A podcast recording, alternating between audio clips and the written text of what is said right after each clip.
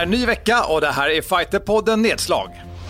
I dagens program pratar vi om UFC som var i helgen och UFC som kommer, Blaovic mot Adesanya. Vi tar upp helgens senaste grapplingdrama. Och ska Hamza Chimaev sluta fightas? Dessutom Fight Club Rush 8 som kommer i helgen. Detta och mycket mer i Fighterpodden Nedslag. Ja, hej och välkommen till Fighterpodden Nedslag. Det här är podden för dig som älskar kampsport. Idag är det onsdagen den 3 mars och jag heter Mårten Söderström. Och här kastar vi oss runt, fortfarande då på distans, ner till Skåne. Filip Dersén, tjena tjena. Tjena tjena. Och Elin Blad är med oss också idag. Hej Mårten. Simon Kölle har lovat att ramla in en kortis. Han har så extremt mycket att göra just nu så att då får vi köra dagens podd. Ja, det är speciellt att köra podd så här i en tid där det fortfarande är pandemi och det är inte på ett sätt jättemycket kampsport, men det som dominerar väldigt mycket det är ju MMA. Eller hur Filip? Ja det är ju det, det har i alla fall varit så senaste, senaste året, men nu har boxen kommit tillbaka lite senaste ja, månaden i alla fall. Men det är klart, mm. det är mm. mycket MMA och UFC, de bara fortsätter ja, skicka ut galor. De har väl sitt eh, kontrakt med ESPN som gör att de är tvungna till att göra nästan gala varje helg. Jag tänker ofta på det att eh, av alla sporter så har ju UFC varit otroligt smarta under hela det här upplägget. Jag tänker för oss som tycker om kampsport att bara i en sån här pandemi paketera en fight island och bara skapa den illusionen, eller hur Elin? Mm, och det, det, det, är väl inte så mycket en ö, men det, när de började prata om det så det blev ju väldigt snabbt ryktesspridning och det var ju till och med så att det togs upp av eh, John Oliver, han som har en eh, talkshow där Last Week Tonight på HBO som är väldigt, väldigt stor. Så han lyfte ju upp där att UFC skulle göra en Fight Island. Så det, det som PR-trick var det ju extremt smart. Jag tänker vi stannar kvar här och pratar just nu om MMA, men om en stund så ska du få prata lite grappling också Elin, eller hur? Ja, jag ska uppdatera er på det senaste skvallret. Men om vi tar helgens UFC som var, ja vi pratar ju ofta om det här med tungvikterna, det var ju Rosenstruck mot, eh, hur talar är hans efternamn? Han, är det Gan? Vad tror du Filip? Det är väl Gan, jag har alltid sagt Gané innan, men det är väl Gan, så att man får hålla sig till det. Cyril Gan, och de gick ju då fem ronder tungvikt. Vad tyckte du om den matchen? Som alltid, fem ronder tungviktare, det är ju alltid i slutet av matchen är de ju båda slutkörda och det var väl lite samma här. Framförallt eh, Rosenstruck kändes ju väldigt seg och hade ju, det var ju en knockout han hade kunnat liksom skapa fram. Utan den så var ju, ja, Garn var ju bättre än honom så att det var ju en tråkig match men eh, ja, han, han dominerade en eh, sömnig tillställning, Gan, och det var ju bra för han. Nu har han 8-0 i record så att eh, det är väl bara att vänta nya stormatcher för han framöver, tänker jag. Och du såg matchen också. Simon som kom in i podden nu, eller hur? Yes! jag kunde inte hålla mig borta. Jag var tvungen att kolla in och se hur ni sköter er. Aha. Hur går det Elin? Jag litar bara på dig. Ja, det, de sköter sig. Alltså, det är kul att se dig Simon. Ja, detsamma, detsamma. Jag är i deadline mode här så att ja, jag kommer med nästa vecka. Men alltså Cyril Gunn, alltså, alltså fy fan, jag tycker du är jättesnäll Filip. Det var ju världens tråkigaste match. Ja, det, är, exakt. De är, ju Tack. sjukt sega. Alltså. det, är det, är, det är inte okej okay, tråkigt. Alltså. Det är verkligen på den nivån tycker jag. Alltså, jag somnade själv tror jag fem gånger under den matchen på riktigt. eh, och co-main alltså. Var det för att du kollade live på morgonen eller ah, var det bara för att för det var fett gjorde jag tråkigt? det, vilket var väldigt dumt. Men nej, det var bara fett tråkigt. Alltså usch, fy fan vad dåligt. Nej. Det var väl lite också det att resten av kortet var ju, ja jag tycker också det var dåligt så att man blev ju inte så, annars hade jag nog blivit mer förbannad på den men nej, det är klart hela galan var ju ingen, jag tycker det var betydligt bättre förra helgen igen i alla fall. Lewis mot Blades. Ja. Och sen nu i helgen, wow! Men alltså, vi, vi blir ju så motsägelsefulla för när vi pratade Lewis Blades så sa vi, ja men den här matchen, vet det här Rosenstroke och Gan, det kommer bli en riktigt bra match. Och nu sitter vi här bara, jaha, tungviktare fem ronder, vad tråkigt det är. Ja, du hade ju rätt där. Ja. Tråk, tråk Martin. Du hade ju rätt att det var tråkigt med tungvikt. Det var världens tråkigaste match. Men jag tänker, eh, innan huvudkortet där hade vi ju, eh, inte huvudkortet utan huvudmatchen, så hade vi ju Nikita mm. Krulov där mot Magomed Ankalev. Jag måste ha hjälp här Simon. An Ankalaev. Ankalaev, tack så du Tack så mm. Och den gick också fulltid, tre ronder fulltid. Ja. Vad kände du där Simon? Ja, det var lite otippat faktiskt. Alltså det, det, det var nog inte många som trodde det. Och det är samma sak som ett, eh, i huvudmatcherna, att det kanske inte är jättemånga som tror att det skulle gå hela vägen. Men faktum är att man tittar man på lite statistik så är det faktiskt, alltså, sen egentligen de gamla sega Arlovski-matcherna när han gick mot Tim Sylvia och de bara liksom, någon, det var någon eh, intressant, jag kommer inte ihåg vem det var, men det var någon som myntade begreppet ultimate boxing. Det är liksom när de bara går runt och boxas fast de får göra annat va, egentligen. Och det är inte världens bästa boxning heller, eller hur Filip? Nej. här, all, nej, tyvärr. Och då är det lite så här, vad håller de på med? Den matchen var ju ro, alltså, hade ju potential till att bli hur rolig som helst. Men eh, ja, Kryl, Krylov, eh, alltså, han har blivit mer, han, har bytt, han bytte ju camp för ett tag sedan och då blev han lite mer kontrollerad. Till både hans säkert fördel och nackdel. Så det är så här, det är, visst, han, han kanske är mer safe och inte tar lika mycket skada själv, men det blir inte riktigt lika, lika kul liksom. Det kändes lite som att Krylov också, han var ju... Han är ju en bra brottare, men mot Ankalaev, han, Ankalaev hade så pass bra eh, nedtagningsförsvar och är så pass bra på marken, så därför blev det att de låste ut varandra lite och då var ju Ankalaev bättre, ja, på ståendes.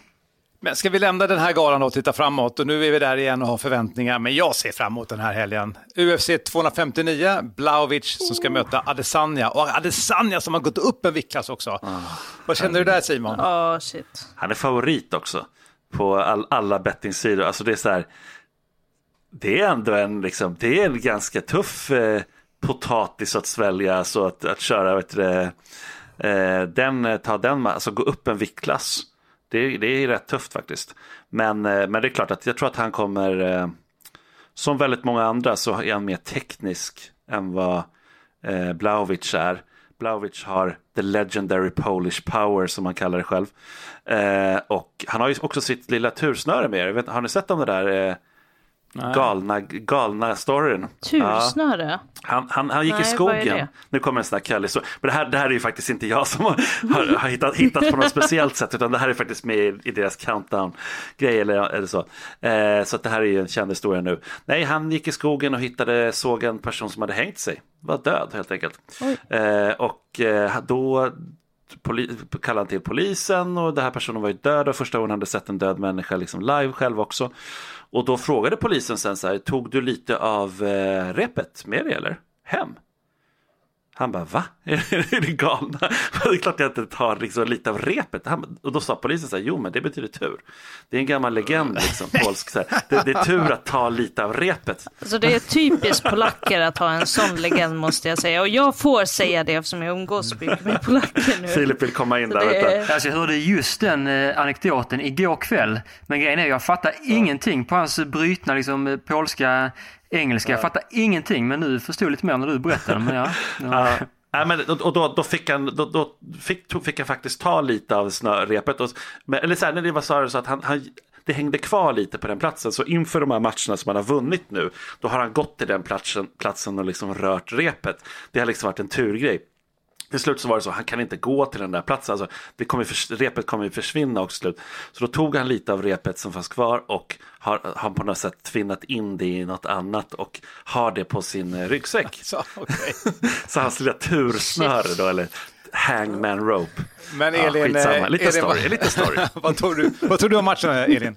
Ehm, jag vet inte, alltså jag tror att Blahovic kanske är lite underskattad. Alltså jag fattar att Adesanya är favorit på bettingsajterna, men mm, jag vet inte. Alltså, Adesanya fortsätter ju alltid överraska mig. Han är ju liksom en perfektionist sett till det tekniska, men jag vet inte hur tufft det kommer vara för honom att gå upp en viktklass. Det jag vet inte riktigt, men jag tror att Adesanya kan ta det, men jag tror att det kommer vara jobbigare för honom än vad många tror. Jag tror han kommer inte kunna göra som han gjorde med Paolo Costa, liksom, och bara så här slida omkring där och inte behöva anstränga sig så mycket för att ge honom stryk. Så det, jag tror att Adesanya kan vinna, men jag tror att det kommer vara mycket tuffare match än vad han tror. Vad tror du Filip? Jag vill sticka ut hakan och säga att jag tror det blir, ga, alltså, ga, den här galan, UFC 259, jag tror det blir årets absolut bästa UFC-gala. Alltså det finns för många bra matcher för att kunna bli besviken den här gången. Ja. Galet. Och eh, just i huvudmatchen tyckte jag var coolt i deras countdown som UFC gjorde. Att man såg verkligen eh, Jan, han eh, befinner sig i Polen i ett alltså, riktigt minusgrader, liksom fullt av snö. Medan Adesanya liksom har rena drömtillvaron i Nya Zeeland. Mm. Så jag tycker det var häftigt, liksom deras skillnader deras livsstil och sådär. Och jag tror väl ändå att eh, Jan, man räknar bort han för lätt. Han är så pass stor, han slår så pass hårt. Det räcker bara att se mot Luke Rockhold, Corey Anderson. Det, var, det är liksom galna knockouter nu när jag sett om dem. Eh, så, att, eh, mm. så jag tror att Jan har betydligt bättre chanser än vad folk tror. Alltså grejen är det att vi kan titta lite också på Alexander Gustafsson när han mötte Blaovic. Det var inte Alex liksom kanske bästa match på långa vägar. De har dessutom tränat lite ihop och allting. Men vad gjorde Alex för att vinna över Jan Blaovic? Jo, han tog ner honom. Mm. Han tog ner och låg på honom. Det var liksom det. Och när Blaovic täppte igen det hålet, för han hade ju ett hål, han kunde bli ganska lätt nedtagen. Det blir han inte längre och Israel Adesanya, kommer han försöka ta ner Jan Blaovic? Alltså det är inte troligt. Och Blaovic har ju sagt att han ser fram emot att bli slagen av Israel Adesanya. Och det är lite så här, det är en nyckelgrej han säger där.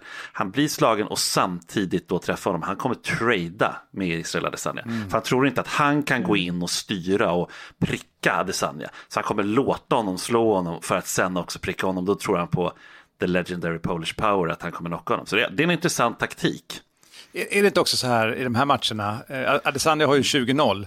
Han har ju såklart liksom ja. förluster innan, men han var ju också fantastiskt duktig i i stående fighting i ja.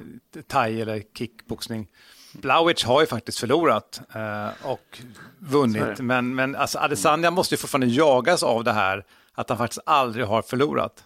Det var inte många år sedan han ändå blev knockad, fast det var ju då i stående då, det var ju mm. liksom sista matchen, eh, han gick stående, så att, eh, men, eh, men det är klart att han, eh, alltså har man en gång förlorat, det, det säger väldigt många ju, så mm. jag tror på det, jag tror det du säger stämmer Mårten, att, att just det där att det är en sorts odödlighet. ja, typ han har precis han last stylebender, liksom. ah, han, ah, han ah. har gått upp en viktklass, det här ska jag ta också. Han är också ute såklart, liksom, försöker jaga bältet, han vill ha bälten i två viktklasser mm. och så vidare.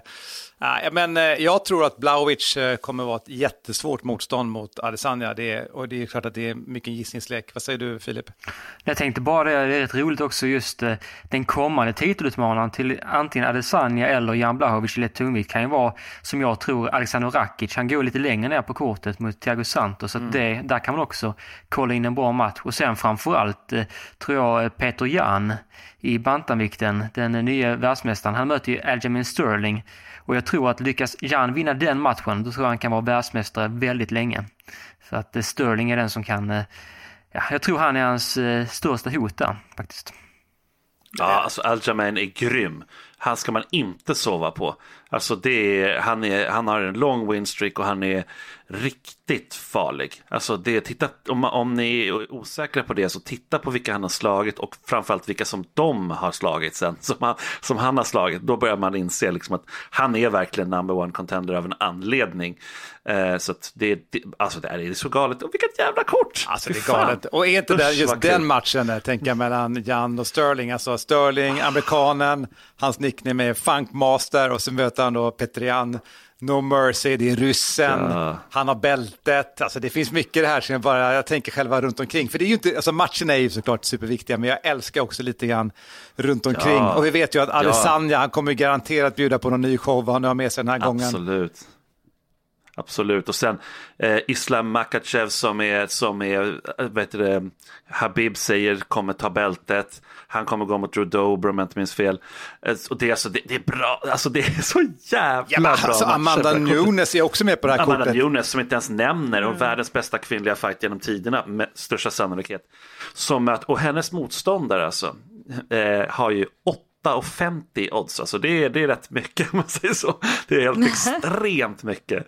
Uh, kommer du betta där Simon alltså, för att plocka hem en stor nej, vinst? Nej, jag kommer inte betta mycket. Hur ska hon kunna slå Amanda ah, Nej, det, det, det låter otroligt men, men Amanda Nunes har fått barn, hon har inte kanske kunnat träna lika hårt fast det är inte hon som har fött barnet. Liksom. Så att det är så här, nej jag vet inte, det, det, det är svårt att betta mot Amanda Nunes. Det var lite som när Ronda Rousey var i sin prime, det var jättesvårt att betta mm. mot henne. Men Holly, Holly Holm slog henne till slut. Så att det, det kan hända. Det kan hända alla. Men inte på, ah. inte på lördag. Det tror jag inte. Inte på lördag, det tror jag inte. Nej, vi får se. Men eh, någon upset kommer ske tror jag. Det, det, är jag helt säker på. Ja, i alla fall jättespännande och eh, bra kort den här helgen. Kul att se eh, för oss alla. Vi går vidare.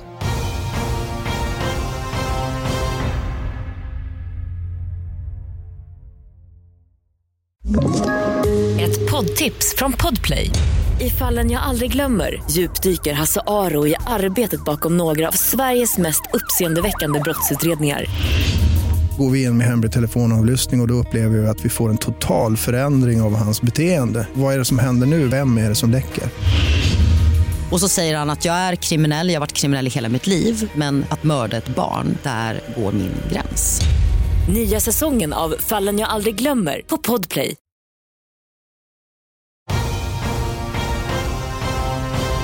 Jag tänker vi stannar kvar lite grann inom MMA. Uh, alltså, vad händer egentligen med Hamzat Chimaev? Har du senaste där Simon? Ja, jag vet inte, det händer grejer hela tiden så att när den här podden kommer ut har det säkert hänt ännu mer. Det här spelas in på onsdag som du brukar säga Mårten tidigt. Mm. Uh, men, det är, nej, men det är ju, uh, alltså han, han blev väldigt emotionell enligt Dana White när han hamnade i Las Vegas på liksom, Performance Institute. Han tog med sig träningskläder, vilket Mighty alltså hans svenska manager Magdi Shamas eh, påpekar att det kanske inte är så bra. Liksom. det, det, du är inte där för att träna, han är där för att liksom, ta hand om sina lungor. Mm. Eh, men eh, han, han satt visade en bild på när det var blod i någon hink efter han hade tränat så han hostade väl blod. Eh, och du vet, har, har man bronkit så ska man inte träna. Det, så är det liksom. Och det, man kan till och med dra ner ännu mer skit ner i lungorna då. Så att det kan vara riktigt farligt faktiskt att eh, träna när du är sådär eh, dålig. Och han kände väl att, jag menar, det är klart att Hamzat är en sån som har man känt att man är helt oövervinnlig och sen plötsligt så orkar man knappt slå en jabb, liksom. nu vet jag inte om det var det som hände, men typ. Mm. Eh, då är det klart att han känner, fan det här är lika bra att lägga ner. Så la han upp ett sånt tweet och det, eh, eller sån Instagram-post och det att han nog, nog, skulle lägga ner. Och så blev det ju ett hus i helsike. Eh, alla möjliga personer, allt från eh, Ali Abdelaziz som är hans eh, amerikanska manager, har ju berättat, snackat om det där. Dana White gick ut om det. Ja, och sen även en tjetjensk ledare som är extremt kontroversiell som har gått ut och sagt att Hamzat kommer komma tillbaka och han kommer också komma hit och träna lite folk här och hålla ett seminarium och träna så fort han blir bra. Eh, liksom så att det, det, är många som nu vill ha en del av Hamzat Shemayer om man mm. säger så. Det verkar dock det senaste då, för en lång historia kort, som att han ändå kanske kommer fortsätta. Eh, det, det, så. Eh, Ali Abdiaziz säger att han eh, stöttar honom vad, vad som än händer och det, det gör ju han alltid, Ali Abdiaziz. Mm. Att han, det är liksom managers kanske uppgift att säga att ja, men jag står bakom vad han än väljer. Liksom. Men alltså, han måste bara bli frisk till att börja med. Börja där, bli frisk. Ja, och många som fan. har haft covid, och som nu har ju han ju ställt till det för sig kanske med att han tränade när han var inte helt återställd. Men många säger ju att det kan hänga kvar länge och att du framförallt är väldigt trött. Och precis som du ja. säger tror jag att om du har den här mattheten som jag inte ens kan föreställa mig och mm. tidigare har varit liksom i buren och gått matcher efter bara någon veckas mellanrum och så vidare och så känner du dig helt ja, tömd på energi och har ingen kraft längre, då kanske du bara säger jag skiter i det här. Ja. Men det är ju ett mental, en mental position som du ska ta dig ifrån såklart. Ja, ja riktigt tufft. Riktigt tufft. Men han har ju varit i hetluften i lite mer också, han, eh, hans manager där, Ali Abdelaziz, eftersom att, kommer ihåg att jag pratade om det här eh, Ottman Azaitar, han som, där de smugglade in en väska till honom på, på hotellet. Har, har, vi ännu, har vi ännu mer kring den historien eller vad är detta nu? Ja, vi har ännu mer. Det har kommit nytt då. Eftersom att det var ju det, var ju det stora liksom, frågetecknet. Vad fan var det de smugglade in i väskan? Ja, vi pratade alltså, väl om att det var någon så här IV, doping, alltså dropp och grejer ja, eller vad vi trodde. Väldigt bra gissning. Och jag tror faktiskt fortfarande på det du sa där Elin, att det skulle kunna vara dropp. Eh, men ska säga det bara, du? det var ju så att han alltså, de gav, klippte av sina band under coronan också på ett stängt hotell och gav bort till någon person som då klättrade på en fasad upp på en balkong och hade med sig en väska och de åkte såklart ut så det smällde om efteråt. Och då är frågan, vad fanns det i väskan helt enkelt? Nu har det också kommit fram att vakterna tog den här snubben, eller de var på väg att ta honom för de märkte att han var liksom, eh, inte hade där att göra. Och han bara vägrade, han bara sprang därifrån och de jagade honom. Liksom. Hur som helst, nu har Ali Abdaziz gått ut och sagt vad var i väskan? Ja. Jo, han säger att det var potatis. Bah. Hela väskan fylld av potatis. och, att, och Ottman Azaitar har då svarat, jag såg det i tysk, han är, eh, pratar i tyska också, eh, och då, var det, då hade han sagt till någon tysk eh, media där att han alltid har med sig en väska potatis. Så att de står för den storyn. Att det var potatis, att han alltid har potatis med sig. det är ju så fånigt. Varför kunde han inte, varför var han tvungen att smuggla in potatis? Vad var, det- vad var det för konstig potatis som man inte får ha med sig in på... Man får inte, man, för att man inte får ta in annan mat tydligen än det som fanns där. Det är väl liksom väldigt viktigt. Då. Men alltså det låter ju Ja, bara det så ju helt sinnessjukt. Det är nästan så här, säg något annat istället. Plus att om det är potatis, då kan man väl ändå visa det. Hörni, ursäkta, alltså det var bara potatis. Det är liksom så... Alltså det här låter ju som ett väldigt dåligt avsnitt av så här gränsbevakningen Australien eller Ja. något sånt. När de öppnar upp väskan och så Nej, är det det är bara it's only potatoes. Bara, potatis. mm, eller hur? Liksom. Ja, jag vet att du behöver eh, sticka iväg nu Simon. Du Jag måste får- sticka iväg. Gör det, vi fortsätter i podden. Från MMA ska vi prata helgens senaste grapplingdrama och jag vet inte ens vad det här är för någonting Elin. Nej, eh, så här var det. Eh, det här höll mig uppe rätt sent på, på lördagskvällen. För det, när jag skulle gå och lägga mig så såg jag det här börja hända på Instagram och jag var tvungen att stanna uppe. Så det var en, en grapplinggala i helgen som heter något så här töntigt, typ Who's number one? Eh, så de hade i alla fall ett eh, submission wrestling-event i, eh, i USA någonstans. Och några av de som var på kortet där, det var bland annat eh, Gordon Ryan, som jag har pratat om honom förut, han är pretty much ansedd som den bästa pound for pound grapplern ute, utanför Beijing liksom. Ehm, och han är, också, han är också en extremt kontroversiell karaktär på sociala medier. Han eh, kollar ut alla, han, eh, han är inte gammal alltså, han är ju så här 20 någonting år och har så här spöat alla och tagit en jävla massa medaljer och ADCC och han, han kollar ut varenda en och utmanar Vad är i det alltså, princip kollar ut, är det calling out? Att man, eh, Ja, precis. Alltså han, han utmanar Aha, alla ja. stora grapplers och säger att bara, ja, men jag är villig att betala dig typ 30 000 dollar bara för att få submitta dig i princip. Och så är det massa brassar som blir väldigt kränkta av det här och, och så är det bara, oh, no his bitch. Och det, det är väldigt liksom mycket sådär att han, han är från New Jersey, så han är precis så trashy som du kan tänka dig att man är när man är ifrån Jersey. I vilket fall, så han var med på den här galan och en av hans teamkamrater, Craig Jones, som också är mer eller mindre ansedd som en av de bästa grapplersen just nu från eh, Australien, men de tränar tillsammans då under eh, John Danaher som är mer eller mindre legendarisk grappling coach just nu. Och det som hände var att det finns en, eh, en brasse som heter André Galvao som anses förmodligen som en av de bästa, vunnit så här alla IBGF-grejer och liksom svartbälte och väldigt, väldigt, väldigt duktiga och vunnit mycket ADCC och så. Och han och Gordon har, eh, har beefat väldigt mycket på Instagram. Och det, det har varit väldigt mycket snack om det här och Craig Jones då för, mötte en av eh, André Galvaos teamkamrater och Gordon var i hans hörna. Så Craig Jones vinner den här matchen relativt enkelt på ett fotlås, så som det brukar gå till. Eh, och då ska Gordon gå fram för att liksom skaka hand och säga ja men tack, tack för en bra match till hans coacher då. Och André ger honom fingret och bara pekar finger åt honom istället. Och sen blir det sen ryker de ihop backstage efter det här och det är ju såklart så jättemånga som filmar det här med sina mobiler. För då kommer André Galvao och bara "Uh, you should show his bitch och Gordon bitch-slappar honom. Och, och han, André Galvao typ bara, nej vad gör du?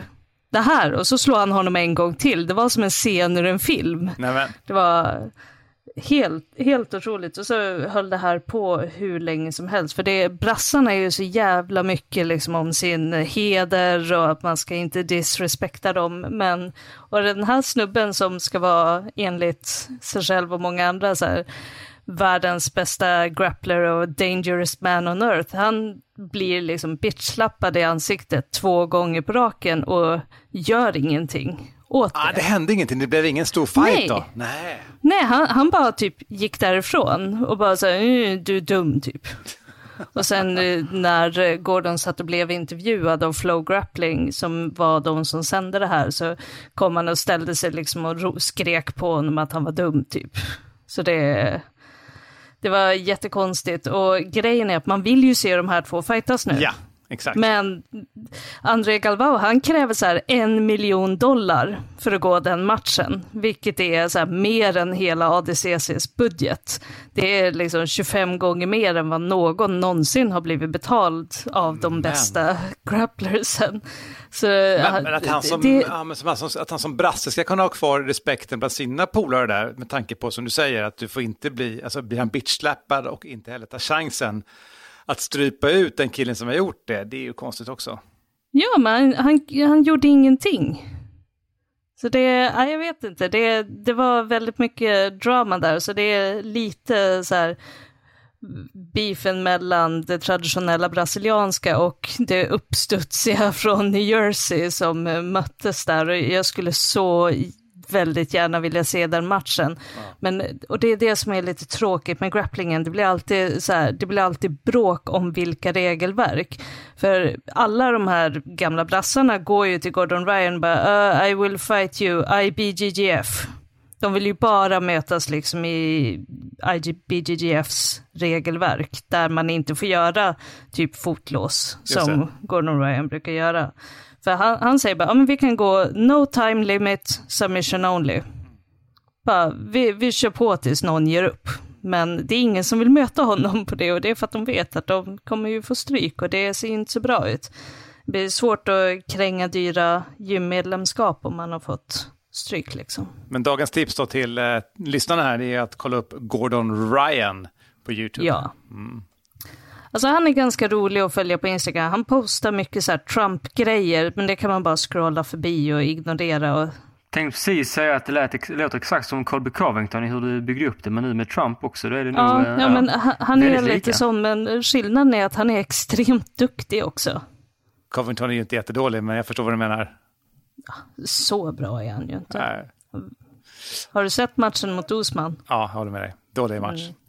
Eh, Filip, ska vi runda av dagens podd? Det är ju dessutom, förutom UFC helgen då, så har vi ju kanske glömt att nämna att det är ju Fight Club Rush i helgen också. Yes, precis. Fight Club Rush, åttonde gången i ordningen och den här gången har de ju verkligen Ja, matchmakers har ju fått jobba hårt. Det har varit en massa matcher som har blivit eh, inställda och det har fortsatt så. Men vi har, det vi i alla fall har är Eh, egentligen var det två riktigt stora talanger som ska göra sin proffsdebut.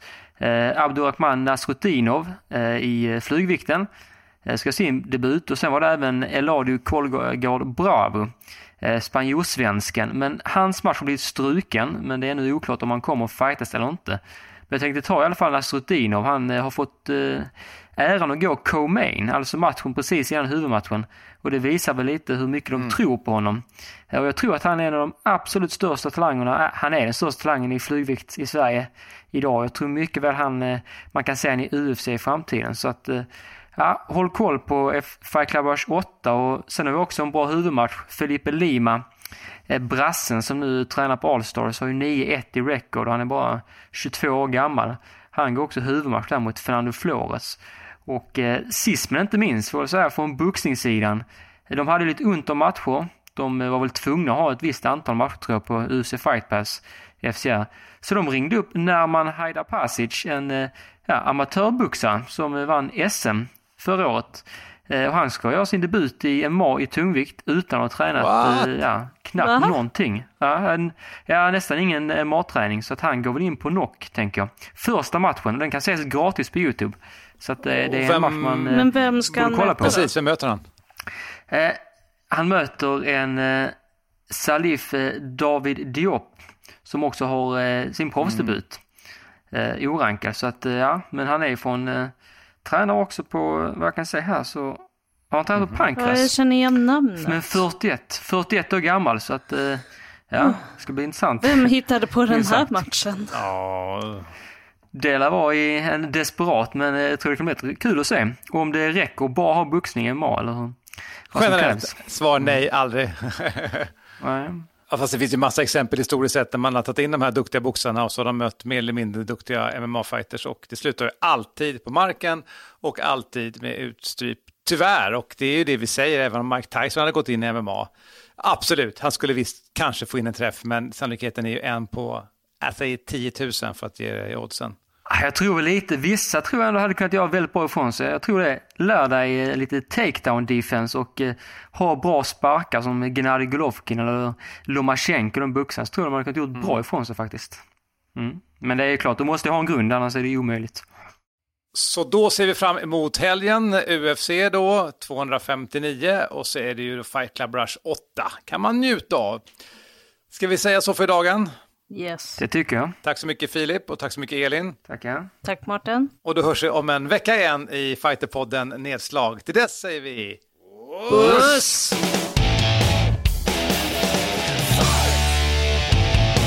Fighterpodden produceras av Suba Media för Radio Play. Ett poddtips från Podplay. I podden Något Kaiko garanterar östgötarna Brutti och jag, Davva, dig en stor dos skratt. Där följer jag pladask för köttätandet igen. Man är lite som en jävla vampyr. Man har fått lite blodsmak och då måste man ha mer. Udda spaningar, fängslande anekdoter och en och annan arg rant. Jag måste ha mitt kaffe på morgonen för annars är jag ingen trevlig människa. Då är du ingen trevlig människa, punkt. Något Kaiko, hör du på Podplay. Därför är gardinerna.